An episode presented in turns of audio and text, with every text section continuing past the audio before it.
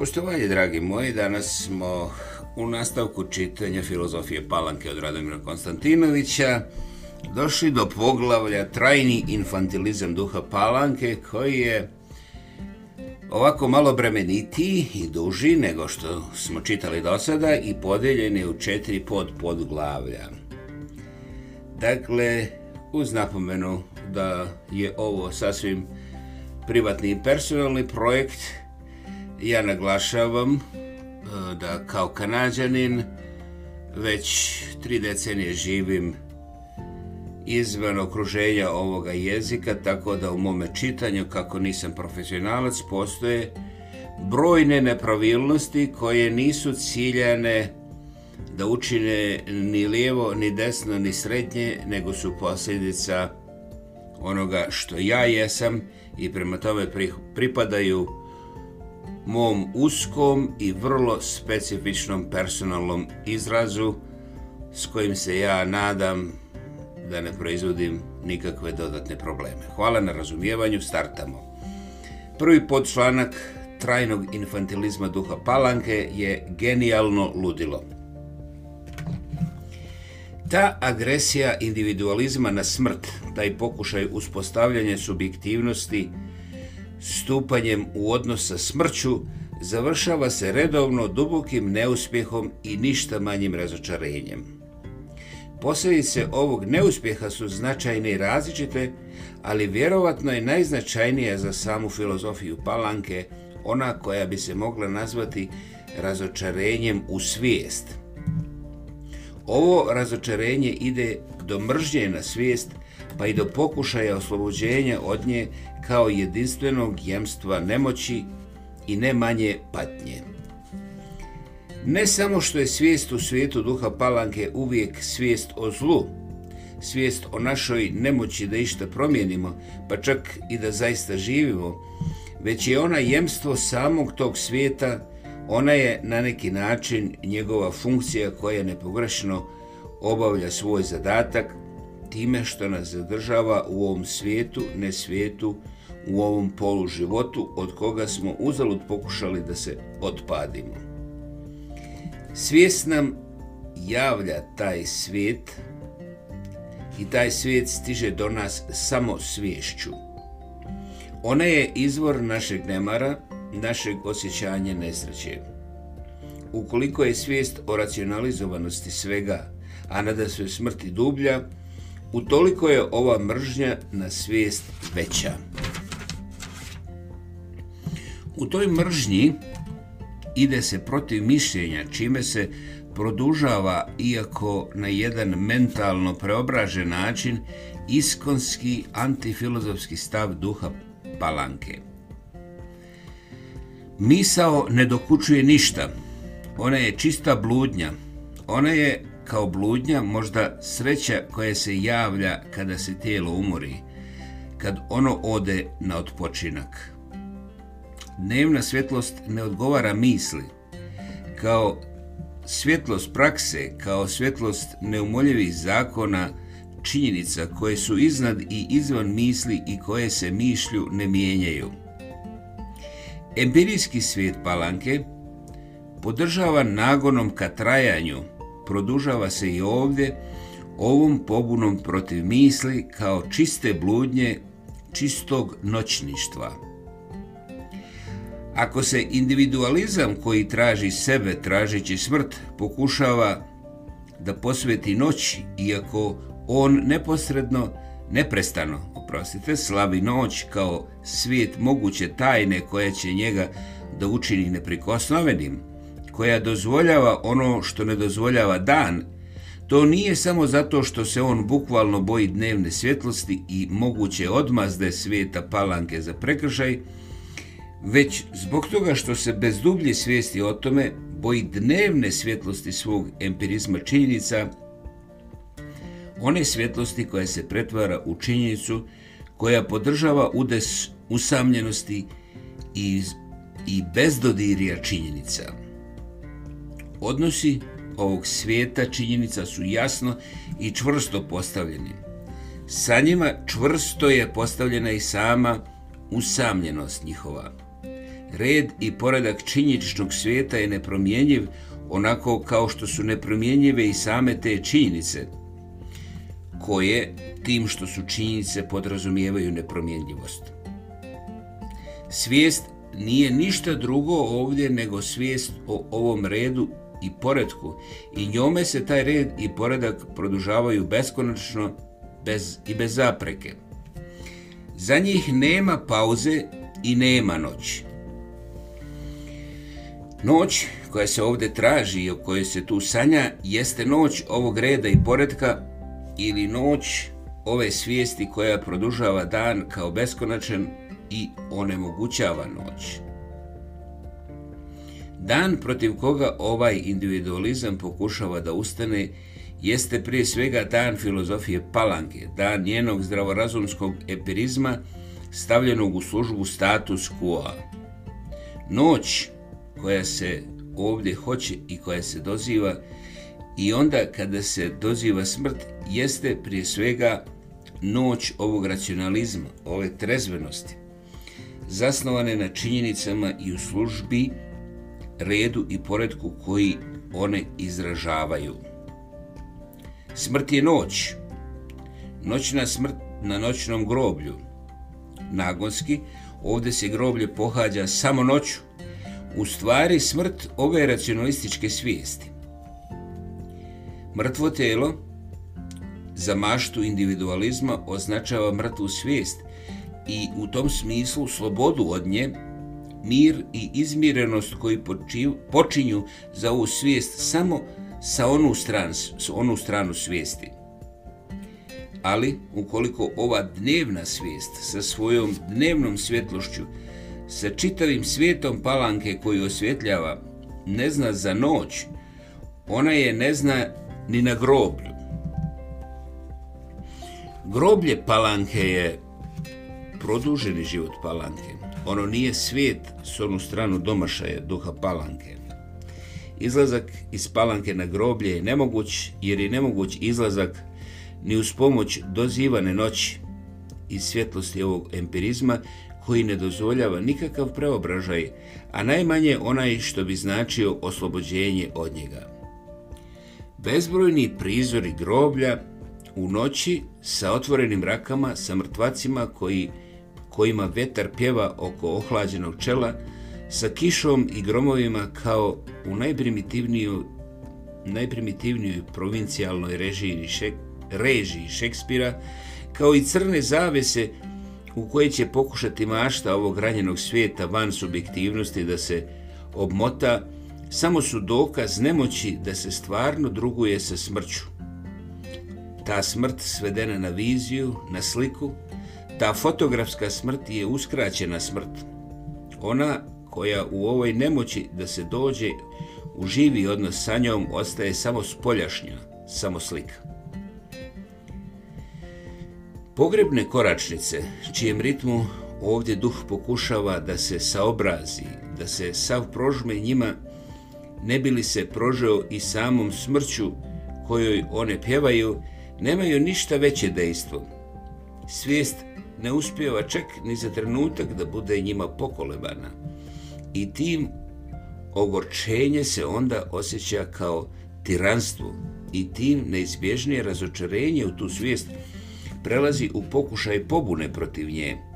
I to tako što se tu gdje je smrt nedostupna i gdje ona ne može da se nađe ni na groblju, sistemom očajanja, tim lukavim pesimizmom, svijest okreće svemu van umnom i u samom životu, a prije svega ludilu. Ovo ludilo je paradoksalno kao što je paradoksalan i ovaj htjeni pesimizam. Ovo željeno očajanje, ono je samo obrnuta projekcija svijesti. Ono je nered koji zamišlja ovdje čvrsto postavljeni red svijesti, haos tog nereda, koji sanja ova svijest reda i poredka pobunjena protiv same sebe. Ludilo je haos, onako kao što je za duh palanke sve s onu stranu granica njegovog unutarnjeg poredka jedan čisti haos. Vjera u egzistenciju haosa koji se izražava ovim htjenjem ludila kao nesvijesti jeste nedvosmisleni izraz filozofije palanke kao filozofije zatvorenog svijeta koji je svijet reda, ali i obogovljenog svog reda prema kome je s onu drugu stranu brda sve sami nered. U fetišizaciji sobstvenog reda kao poricanju svakog drugog reda, filozofija palanke podrazumijeva mogućnost haosa i ona, na svoj način, i sigurno bez učešća svoje volje omogućava jednu potencijalnu filozofiju pa haosa u prvom redu kao ovu filozofiju ludila. Za nju ludilo i haos su u neposrednoj vezi po značenju, ako ne i u stanju samog identiteta. Filozofija reda kao ravnoteže, ona razvija filozofiju jedan negativan nagon za sve što je protivredno, kao za samu protiv ravnotežu u načelu, pa i kao za samo ludilo. U okviru njenog svijeta, u okviru duha palanke, ima reda i zato nema ludila. Sve što se u njoj protivi, sve što se njoj oprostite protivi ili što znači izuzimanje od nje, jeste iracionalno, zaumno, haotično. Zasnovana na načelu jednoobraznosti, ona sve neabsorbovano voljom ove jednoobraznosti najčešće gotovo nagonski izjednačava sa ludilom. Zbog toga je u njenoj viziji genije u neposrednoj i nesumnjivoj vezi sa ludilom. Ona ga proglašava za ludaka upravo zato što je filozofija jednoobraznosti. Time, nesumljivo, ona želi da ga obesmisli, da ga ismije kao nekoga ko nije načisto sa stvarima, ko je ispao iz prirodnog toka i tih stvari, iz njihove ravnoteže. Ali time ona izražava i svoj strah od svijeta kao od samog haosa. Ludilo je svijet jer je haos. Genije je uvijek genije ludila jer je genije svijeta kao ovog haosa. Zbog toga se ruganje geniju kao ludaku u praksi svijeta palanke uvijek meša sa strahopoštovanjem, onim istim koje poznaje i plemenski svijet koji u ludaku gleda oličenje nekog nesvijeta, ali i nekog drugog svijeta koji je nedokučiv njegovoj svijesti i koji ne poznaje niti će ikad upoznati njegovo iskustvo. Pleme ide u tome dotle da ludaka zaumnika prima sa strahopoštovanjem. On se ne prima u kuću, ali on se daruje na pragu plemenske kuće. On je čak neka vrsta sveca i proroka, možda i mađijskog duha, čije moći su veće od naših jer pripada jednom nesvijetu. Milostinja koja mu se daje, blaga riječ koja mu se upućuje, najčešće sa izrazom razumijevanja za njegovu nesreću, izraz je u suštini ovog straha da onostranosti sa kojom plemene želi da zarati zatvoreno u svoj krug.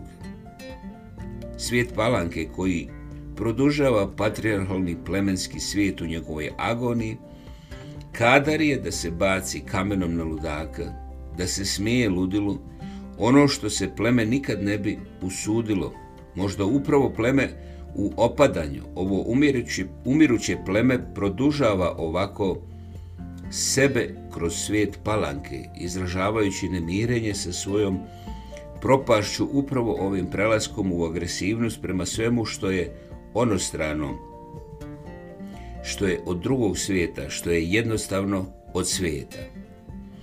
Ali uza sve to, pa i kroz ovakvu netrpeljivost prema ludilu, on je sačuvao strah pa i strahopoštovanje pred ludilom, čak u toliko više ukoliko je kriza načela jednobraznosti, zatvorenosti u njemu i načela brutalno epidičke svijesti dublja i osjetnija.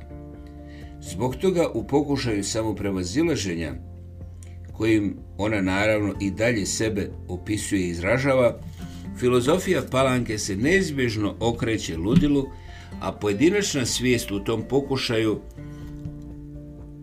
samopravazilaženje, oslobođenje od svoje racionalizovanosti u red i poredak traži spasenje u ludilu prije svega kao u zaboravu.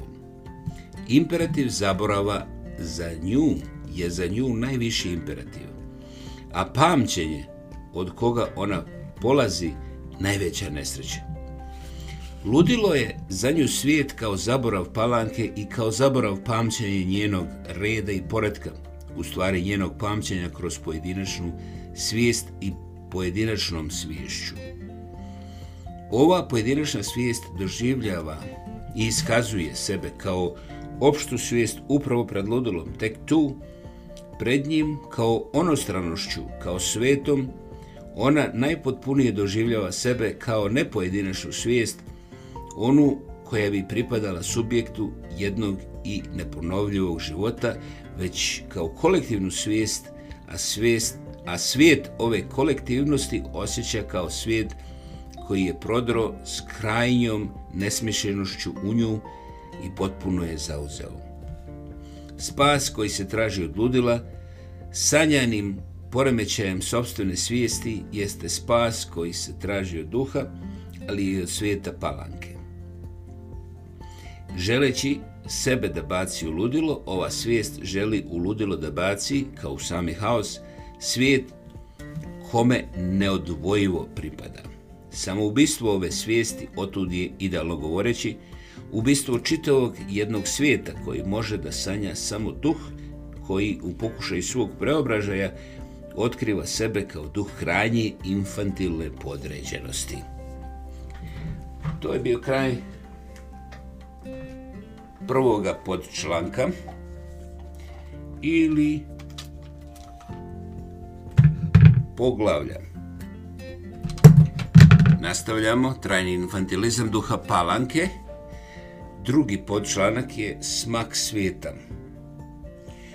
Ovaj infantilizam je stvar malog raspona oskudnosti i kržljavosti bića prinudne zadržanosti pod tutorstvom rodbinsko-palanačkog nadija. Samo sažaljenje ovog infantilizma uvijek nosi u sebi kao osnovno, osnovno pokretački motiv osvetoljublja i često se izjednačuje sa doživljajem sobstvene smrti, ali u viziji samog subjekta koji sebe ovim motivom osvetoljublja konačnog obračuna osuđuje na smrt i vidi sebe na odru među rodbinom i prijateljima, kako im iskazuje osnovne riječi istine koje im nije rekao za života. To ispovjedno posmrtno u infantilnom vizionarenju u kome se samo sažaljenje miješa sa osvetoljubljem jeste osnovni motiv ovog infantilizma motiv nemoći da se stvar kaže iz koje nemoći izrasta želja za krajem kao za samom smrću, ali i tako što ovdje i sama smrt, isto kao i riječ krajnje iskrenosti, oličava taj kraj. Vjera u kraj, međutim, koja se ovdje javlja kao vjera u konačno obračunanje sa svijetom, u rastanak sa njime, poslije koga je nemoguće više bilo kakvo nagađanje jeste potpuno u duhu palanke.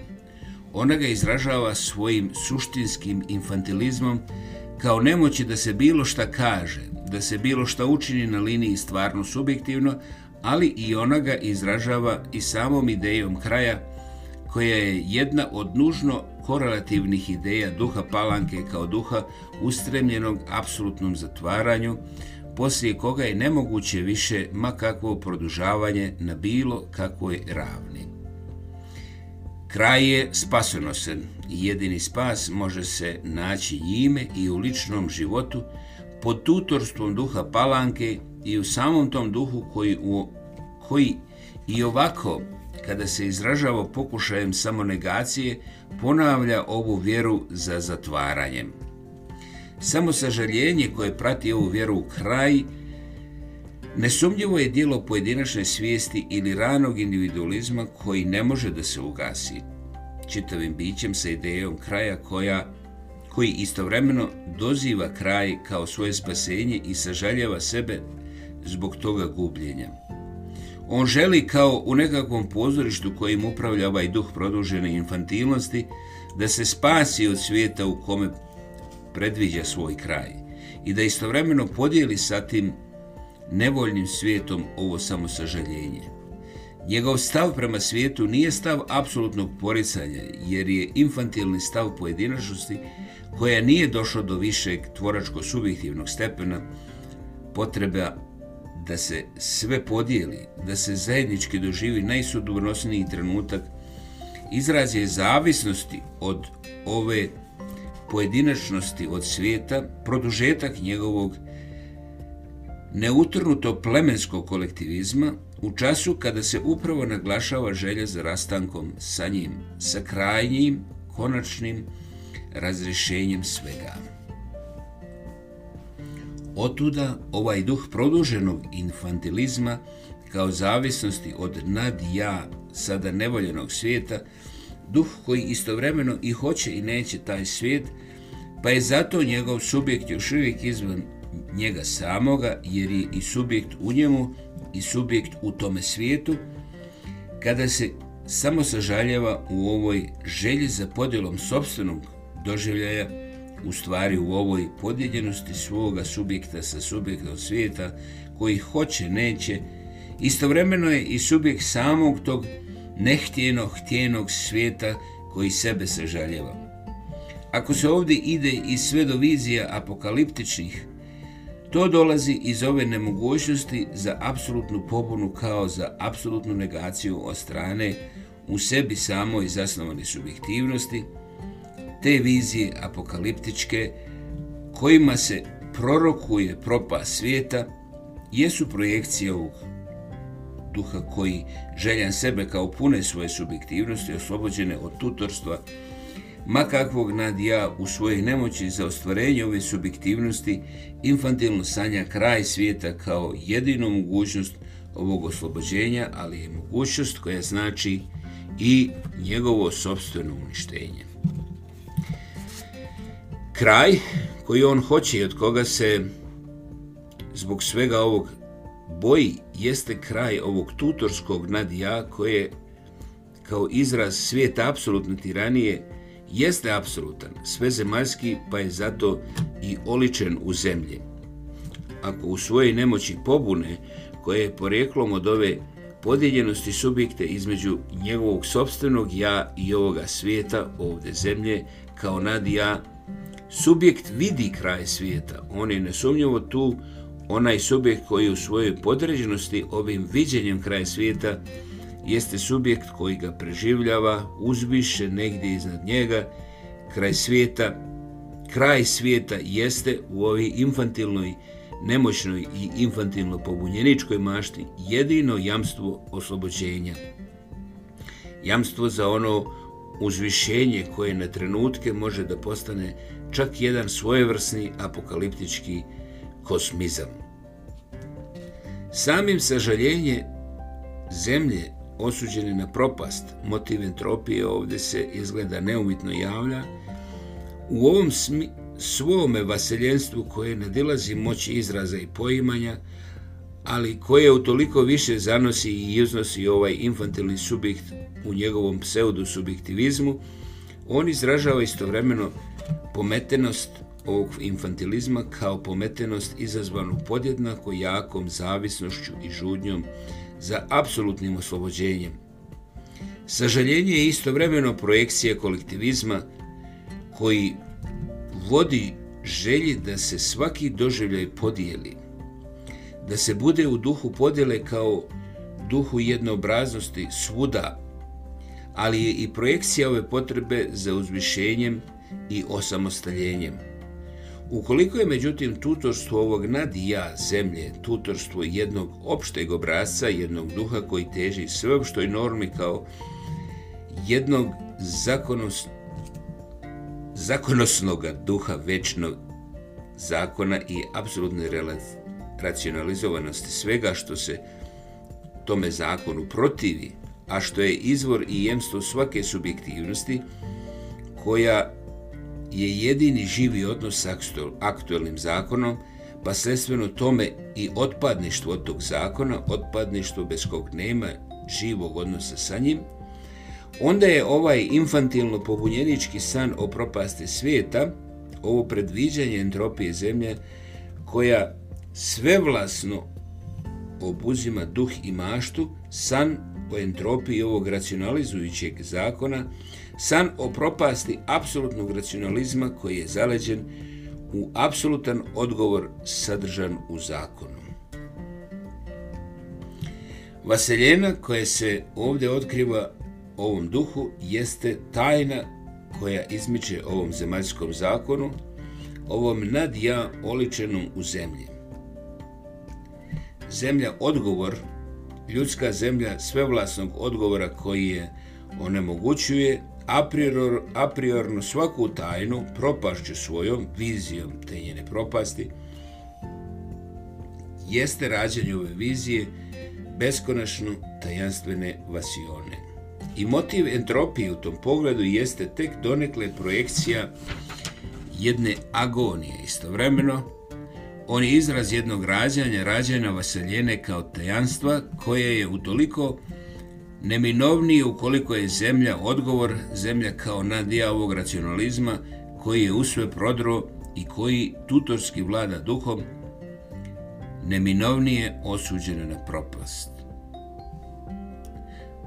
Sloboda koja se ovdje sanja i ukazuje duhu u ovim njegovim maštarijama – jeste sloboda od racionalizma, od svijeta zaleđenog racionalizma, od svijeta koji predviđen unapred jest jedan isrpljen i star svijet, jedan svijet koji se pretvara u santu leda, koji se hladi, koji iščezava neumitno. Hladnoće racionalizma ovdje doziva hladnoću kao ishodište entropije, apsolutnu ledenu pustinju u kojoj više neće biti nikakvog životnog zanosa ali ova sloboda koja nije sloboda za nešto, već u nemanju cilja ovog infantilnog subjekta koji nema svoju tvoračko-pobunjeničku moć, samo sloboda od nečega istovremeno čuva ono što poriče, tako da se sadržaj toga što ona poriče javlja i nastavlja dalje kroz nju, javljajući se dakle i ovim motivom sažaljenje zemlje u propasti, koji ide do motiva samosažaljenja te zemlje koja je također i sam ovaj subjekt koji uplašeno sanja njenu propast i koji doziva tu propast dok je se boji. Tako da je ova sloboda ne manje i upućivanje u prazninu kao u samo ništavilo ovog subjekta koji istovremeno i kao subjekt zemlje u propasti jeste subjekt u propadanju. Subjekt koji U ovom propadanju zemlje, u njenom iščezavanju, neizbježno se suočava sa svojom sobstvenom propašću, odnosno sa sobstvenom svojom prazninom i gubljenjem bespovratnim u nestvarnost. Sloboda koju ova ličnost kao predličnost